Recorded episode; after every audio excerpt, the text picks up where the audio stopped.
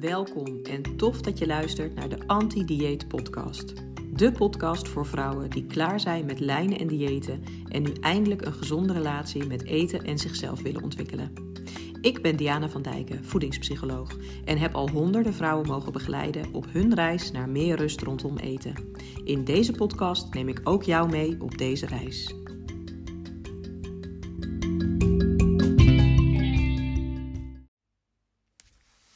Bij weer een nieuwe aflevering van de Anti-Dieet Podcast. Vanwege mijn sabbatical heb ik de maand april even overgeslagen. Maar de planning is om vanaf nu gewoon weer elke maand minimaal één podcast op te nemen. En ook weer regelmatig iemand te gast te hebben. Persoonlijk vind ik dat echt de tofste aflevering om te maken. Met andere vrouwen in gesprek gaan over een gezonde relatie met eten en jezelf ontwikkelen is enorm waardevol. En we kunnen gewoon zoveel van elkaar leren. En de komende tijd wil ik de onderwerpen ook wat breder gaan maken. Mentale gezondheid in het algemeen bijvoorbeeld. Emancipatie, hoeveel er wordt verdiend aan de dieetcultuur en aan ons vrouwen. Hoe eetstoorniszorg niet toereikend is en wat er dan wel nodig is. Want uiteindelijk zijn al deze onderwerpen belangrijk als het gaat om het ontwikkelen van een gezonde relatie met eten en jezelf en hangen ze ook gewoon allemaal met elkaar samen. Maar goed, even terug naar deze aflevering. Want dit is gewoon aflevering 50. En ik vond het wel toepasselijk om deze mijlpaal-aflevering van de Anti-Dieet Podcast live te zetten op 6 mei, Internationale Anti-Dieetdag. Het thema voor deze 50ste aflevering was dan ook snel bepaald. Want deze moet natuurlijk gaan over hoe we toch eindelijk eens afscheid kunnen gaan nemen van de dieetcultuur. Maar eerst even wat meer over waarom 6 mei Internationale Anti-Dieetdag is. Die dag ontstond in 1992 op initiatief van diverse verenigingen als reactie op de zelfmoord van een 15-jarig meisje dat er niet meer tegen kon dat ze dik was en daarop werd bekritiseerd en afgerekend. De verenigingen die deze dag in het leven hebben geroepen, wilden met deze dag protesteren tegen het slankheidsideaal en aandacht vragen voor de problematiek die gepaard gaat met dik zijn. Toegegeven, het waren obesitasverenigingen en ze wilden vooral ook aandacht vragen voor hoe gevaarlijk dik zijn wel niet zou zijn. Maar ze maakten wel een statement met deze dag en er kwam daardoor veel meer aandacht voor de nadelige effecten van vetshaming. Vetshaming was en is een probleem waar veel dikke en dikkere mensen mee te maken krijgen.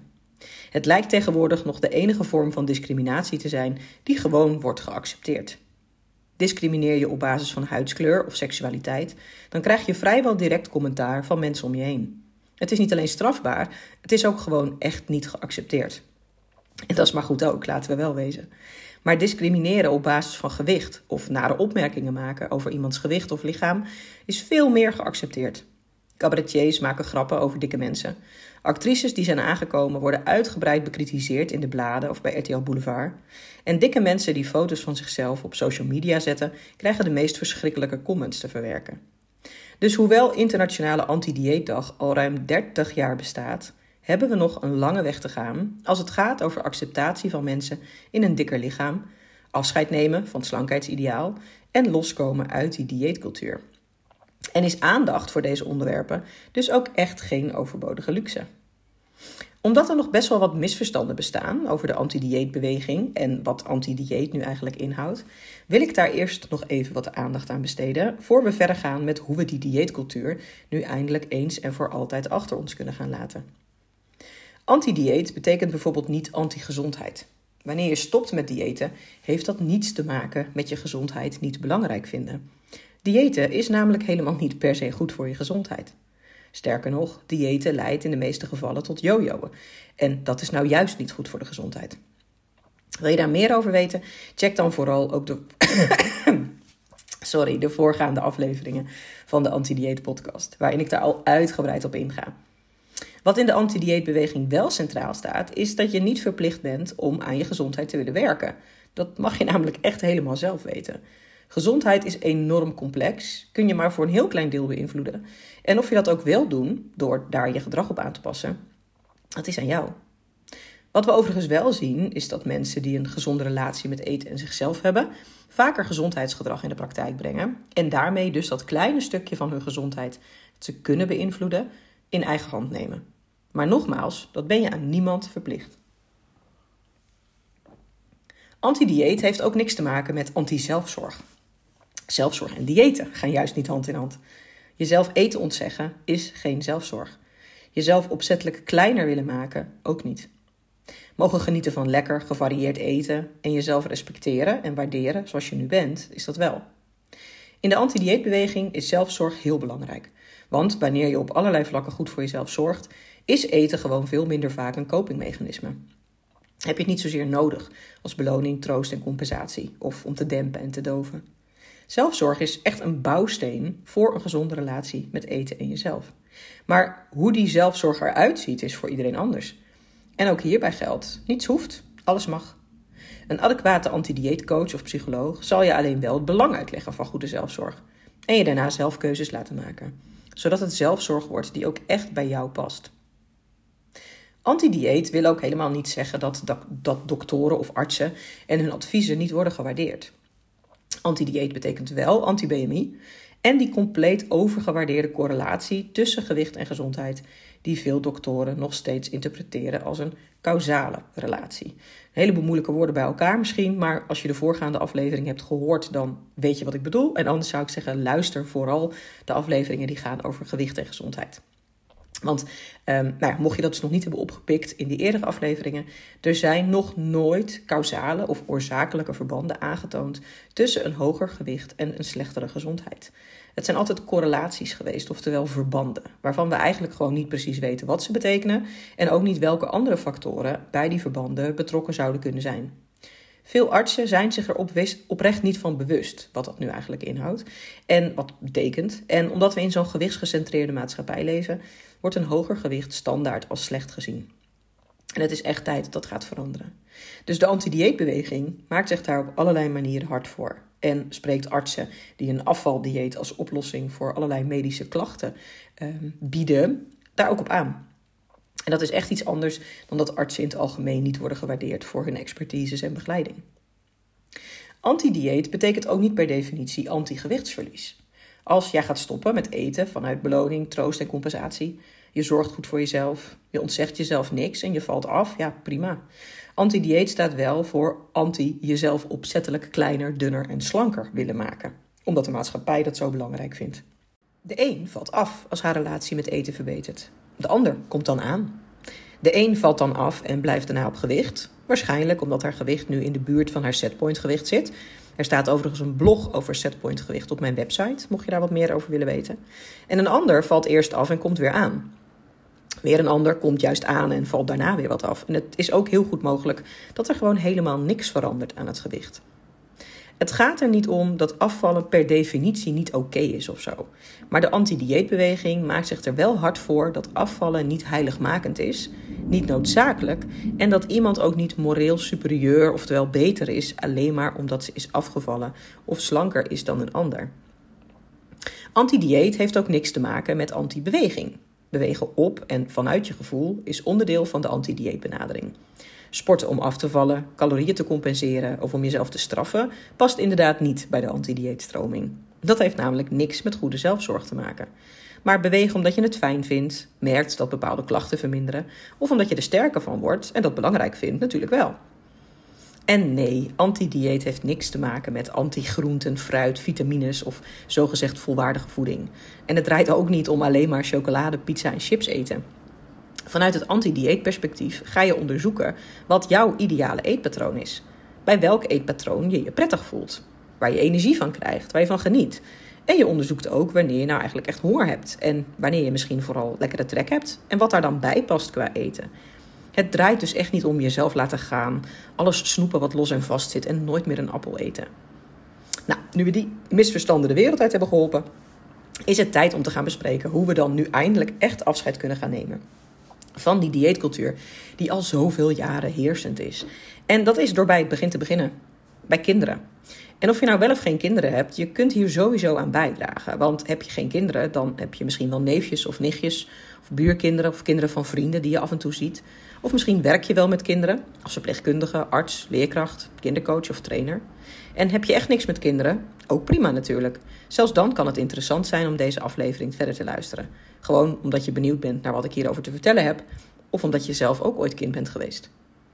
In een notendop komt het neer op stoppen met oordelen. En dan vooral in het bijzijn van kinderen. Stop met oordelen over eten. Stop met oordelen over wat of hoeveel iemand eet. En stop met oordelen over lijven, lichaamsvormen, gewicht. Maar zo simpel als het misschien klinkt, zo moeilijk blijkt het in de praktijk te zijn. Want we oordelen vaak en veel. En vooral als het gaat over eten en lichamen. En kinderen nemen dit mee, nemen het over, gaan het ook geloven en gaan het ook doen. En zo houden we die dieetcultuur dus al decennia lang van generatie op generatie in stand. Maar er moet toch ooit een generatie komen die dit niet meer aangeleerd heeft gekregen. En wat nou als dat de volgende generatie wordt? De generatie die achter jou en mij aankomt, of misschien achter die van jouw eigen kinderen als je zelf al wat ouder bent. Maar de kinderen van nu. En ook de kinderen die al van alles hebben meegekregen vanuit de dieetcultuur, kunnen daar echt nog nieuwe dingen bij leren. Kinderen zijn flexibel, leren snel en hebben nog geen vastgeroeste overtuigingen. Dus het gaat echt niet alleen maar om de jongste kinderen. Ja, ook de wat oudere kinderen zijn zogezegd nog te redden. En ja, ook de mensen om die kinderen heen hebben toch echt een soort heropvoeding nodig. Want als die stelselmatig blijven oordelen, vetshamen of klinkklare onzin blijven uitkramen over eten en gezondheid, is het voor die kids die inmiddels beter weten toch echt wel een uitdaging. Dus ken jij mensen die veel met kinderen werken, veel met kinderen omgaan, die zelf kinderen hebben? Stuur deze aflevering vooral aan hen door. En attendeer ze dan ook meteen op die voorgaande afleveringen. Want dat is zo enorm belangrijk dat we op een andere manier naar gewicht en gezondheid gaan kijken. En kinderen daar dus ook op een andere manier naar leren kijken. Zoals ik al zei, komt het in een notendop neer op stoppen met oordelen. In het bijzijn van kinderen, over kinderen en dan vooral als het gaat over eten en lichamen of gewicht. Voor het overzicht splits ik het graag even op in de volgende subthema's. Oordelen over de lichamen of het gewicht van andere mensen. Kinderen en hun eigen lichaam. Oordelen over wat andere mensen eten. Kinderen en hun eetkeuzes. En ook wil ik dan nog sorry, even iets zeggen over de directe link die we vaak leggen tussen gewicht, specifieke producten en gezondheid. En vervolgens sluit ik nog af met wat wijze woorden over social media en kids, want daar valt ook nog wel het een en ander over te vertellen. Nou, laten we beginnen met het oordelen over de lichamen of het gewicht van andere mensen. Want waarom doen we dat eigenlijk? Nou, als volwassenen zijn we sowieso geneigd om te oordelen over de meest uiteenlopende zaken. Oordelen is voor ons als mensen in de basis namelijk heel effectief.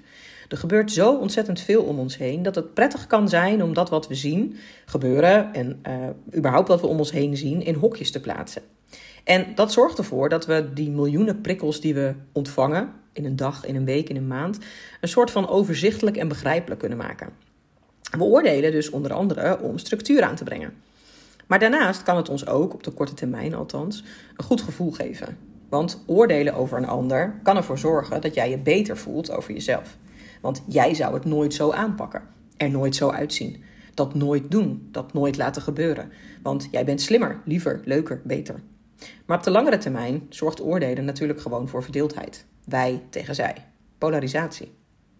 Oordelen over wat je ziet is het makkelijkste. En mede daarom is het lichaam van een ander zo makkelijk om over te oordelen. Want je kunt het niet niet zien. Zodra je iemand ziet lopen, zie je het lichaam. Zodra je iemand ontmoet, zie je het lichaam. En of het nou een bekende is of niet, je ziet het lijf en je kunt erover oordelen als je dat wilt. En vaak gaat dat overigens vrijwel onbewust en razendsnel.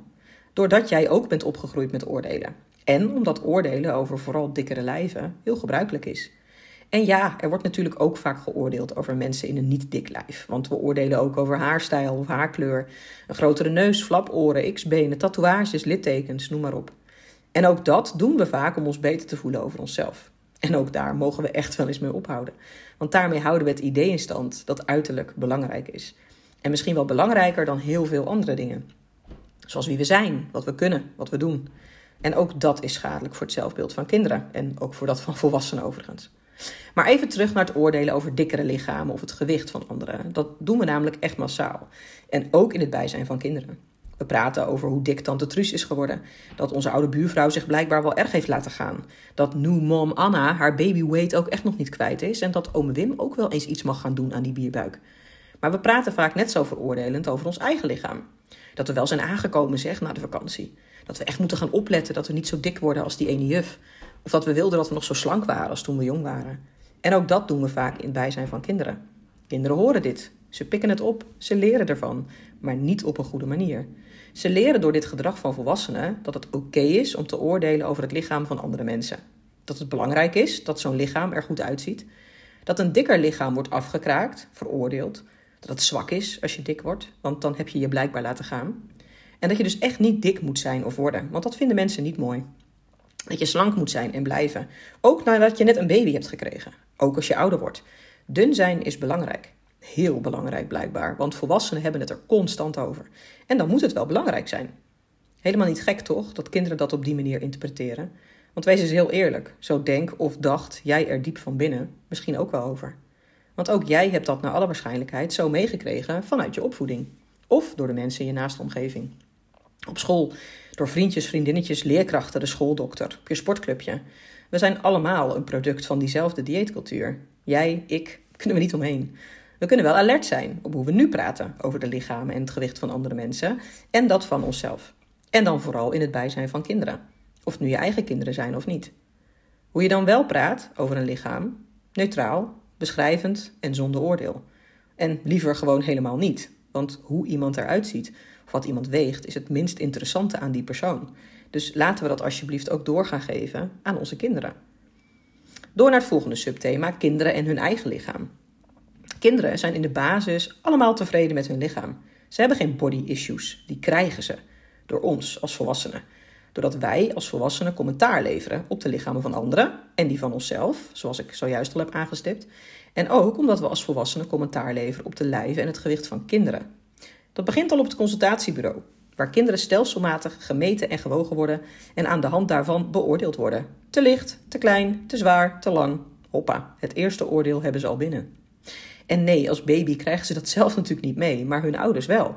Dus die zijn vanaf dat allereerste moment al alert op hoe lang en hoe zwaar de baby is en of die wel is aangekomen of juist niet. En naarmate kinderen ouder worden, krijgen ze het wel mee. Zowel dat zogezegd specialisten, artsen, verpleegkundigen het belangrijk vinden, hoeveel ze wegen, als dat hun ouders en omgeving het belangrijk vinden. Want ook die schoolarts weegt en meet weer, velt een oordeel, te dik, te dun, te lang, te kort. En papa's en mama's zeggen daar ook wat van. Maar naast die medische interesse in gewicht leren we kinderen ook al van jongs af aan dat hoe ze eruit zien dus belangrijk is. Of dat nou door middel van positieve opmerkingen of complimenten is, als wat een mooi meisje ben je toch, wat een knappe jongen, wat zie je er goed uit. Of negatieve opmerkingen of kritiek, zoals je begint wel een buikje te krijgen, je bent nou wel erg veel gegroeid of passen die kleren nu al niet meer. De nadruk ligt op het lichaam, op dat lijfje, waarvan het dus blijkbaar de bedoeling is dat het er goed uitziet, dat het aan een norm voldoet. Want dat doet ertoe. Nogal wie is dat kinderen dat dan ook belangrijk gaan vinden. Als de mensen om je heen, die jij lief vindt, die je waardeert, die jij hoog hebt staan, het belangrijk vinden dat jij er goed uitziet, ga jij dat ook belangrijk vinden. Om los te komen uit die dieetcultuur is het dus nodig dat kinderen het niet meer zo interessant en belangrijk gaan vinden wat ze wegen en hoe hun lichaam eruit ziet. Dus is het belangrijk dat artsen en verpleegkundigen stoppen met kinderen al vanaf hun geboorte in hokjes te stoppen van te dik of te dun. En is het ook heel belangrijk dat wij als volwassenen kinderen niet meer bekritiseren op hoe hun lijf eruit ziet. Maar ook niet het merendeel van de complimenten die we ze geven over uiterlijk laten gaan. Geef complimenten over wie ze zijn, wat ze doen, waar je trots op bent, gedrag, karaktereigenschappen. En wees wederom neutraal, beschrijvend en zonder oordeel als je überhaupt al iets wilt zeggen over het lichaam van een kind. Want waarom zou je eigenlijk? Door naar het volgende subthema, namelijk oordelen over wat andere mensen eten. Zoals ik al zei, is oordelen over dat wat je ziet het makkelijkste. En wat iemand eet in jouw bijzijn, zie je. Ook daar kun je niet omheen. Maar onthoud dan ook meteen even dat dat wat ze eten terwijl ze niet in jouw bijzijn zijn, dus iets is wat je niet ziet. Niet weet ook. Niet dat het echt interessant is hè, wat ze dan eten, maar we denken dat vaak te weten door wat we wel zien. We vullen het in. En dat ze waarschijnlijk dan heel vaak zo eten, wat dat zo dan ook mag inhouden. Maar dat zo gaat natuurlijk meestal wel over die producten die we dan als maatschappij als ongezond hebben bestempeld. Een patatje met, een zak chips, een ijsje, een donut. We oordelen niet over mensen die sla eten, een appel of een zak worteltjes. Dat oordelen over eten in het algemeen en het opsplitsen in gezond en ongezond echt nutteloos is en niet bijdraagt aan een gezonde relatie met eten, behandel ik al in de allereerste aflevering van de Anti-Dieet Podcast. Dus luister die vooral nog eens terug als je daar meer over wilt weten. Voor de context van deze aflevering wil ik vooral benadrukken dat het schadelijk is voor kinderen om al vanaf jonge leeftijd te oordelen over eten, over losse producten. Want daarmee leren we ze al van jongs af aan dat er zoiets bestaat als een gezond product en een ongezond product. En zoals jullie weten staan dat soort termen bij mij altijd tussen aanhalingstekens. En dat het blijkbaar dus ook goed is als je iets zogezegd gezonds kiest en slecht als je iets ongezonds kiest. Terwijl dat veel te simplistisch is, te kort door de bocht en oprecht schadelijk. Want kinderen filteren nog niet zo goed, kunnen dingen nog niet zo goed in perspectief plaatsen. En ze leggen wel heel snel verbanden. Dus iets ongezonds eten is blijkbaar slecht en dan ben je dus slecht als je iets ongezonds eet. Want mensen hebben daar commentaar op. Een taartje op maandag, dat hoort niet. Daar vinden ze iets van. Maar niet als je datzelfde taartje op een verjaardag eet. Dan mag het blijkbaar wel. Of chips op vrijdagavond. Dat is blijkbaar ook oké, maar niet op dinsdag. En beloond worden met een zak snoep als je de avondvierdaagse hebt gelopen is prima. Maar diezelfde zak snoep zelf kopen en meenemen naar je kamer is dat blijkbaar niet. Want dan moet je je schuldig voelen of schamen. Wordt er in het bijzijn van kinderen gesproken over compenseren? Denk aan mensen die praten over vanaf morgen weer even de broekriem aantrekken omdat er in de vakantie zo slecht is gegeten. Dat de patatjes er wel afgesport moeten worden of balansdagen om het vele zondigen te compenseren. Dan leren kinderen daardoor dat dit normaal gedrag is. Maar compenseren voor het zogezegde zondigen is geen normaal gedrag. Je schuldig voelen over eten is dat ook niet. Daarmee leer je een kind niet te luisteren naar het lijf, maar naar regels en overtuigingen over eten afscheid nemen van de dieetcultuur heeft ook echt te maken met het loslaten van die overtuiging dat er zoiets bestaat als een goed of gezond of slecht of ongezond product. En dat begint door kinderen te leren dat eten gewoon eten is. En ja, het ene product of de ene maaltijd levert energie, vitamines, mineralen, vezels en het andere vooral energie en genot. Beide is prima. Beide hebben wij nodig. Beide hebben onze kinderen ook nodig. En ja, een gezond eetpatroon bestaat wel. En dat mag je belangrijk vinden en daar mag je je kinderen iets over meegeven. Maar stop met het oordelen over wat anderen eten of jij zelf eet. Praat ook over eten, neutraal, beschrijvend en zonder oordeel. Dat kan echt en het levert zoveel op voor de volgende generatie. Door naar het oordelen over kinderen en wat ze eten. Dat ligt natuurlijk in het verlengde van oordelen over eten in het algemeen. Maar wat minstens zo schadelijk is, is commentaar leveren op wat een kind eet.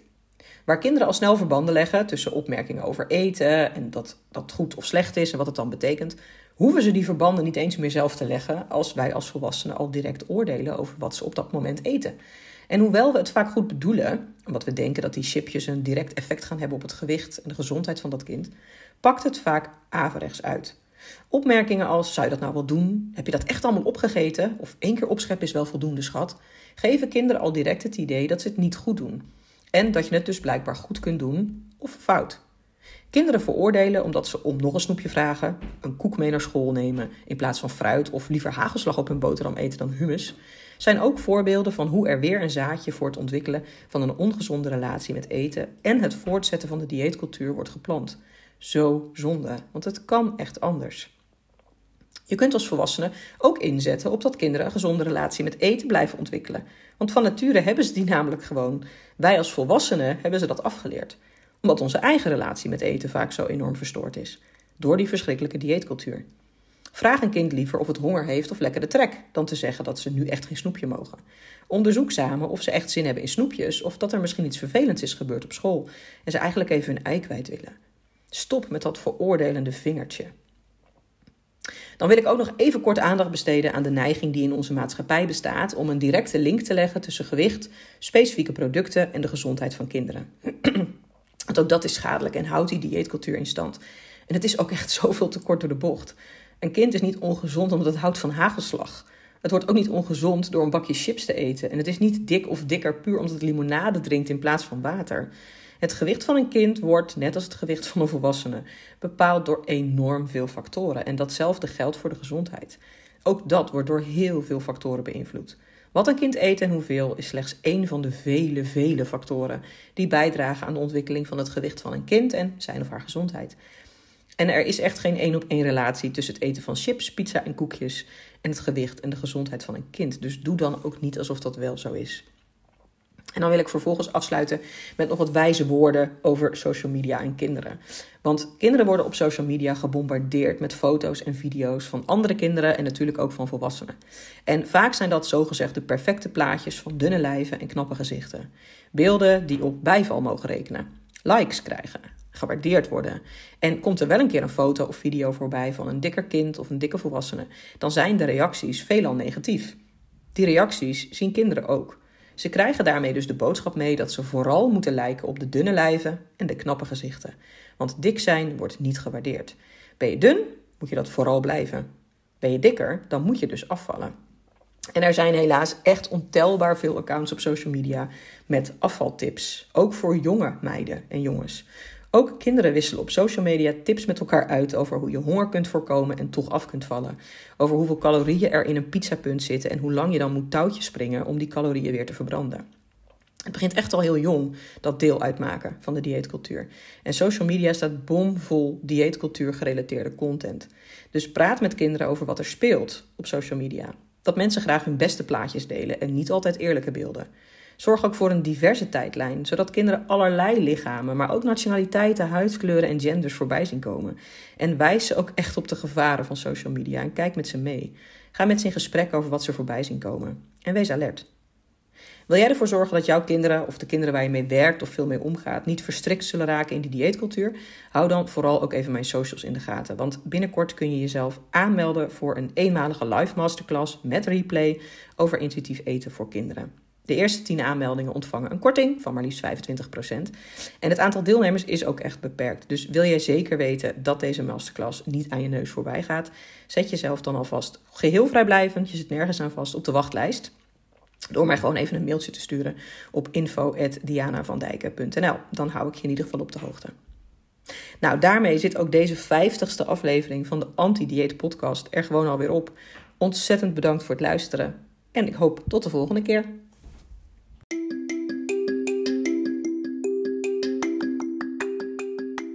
Ontzettend leuk dat je hebt geluisterd. Dank je wel daarvoor. Ik hoop dat je ook de volgende keer weer aanhaakt. Je bent in ieder geval van harte welkom. Vond je dit nou een toffe aflevering? Abonneer je dan op de Anti-Dieet Podcast. Laat sterren achter, schrijf een leuke review of deel deze podcast met andere vrouwen. Dat waardeer ik echt enorm.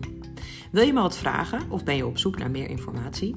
Check dan vooral eens mijn website en mijn socials. Daar vind je ook hele toffe gratis downloads en introductielessen. In de show notes vind je uiteraard alle details. Dit was de Anti-Dieet Podcast. Tot de volgende keer.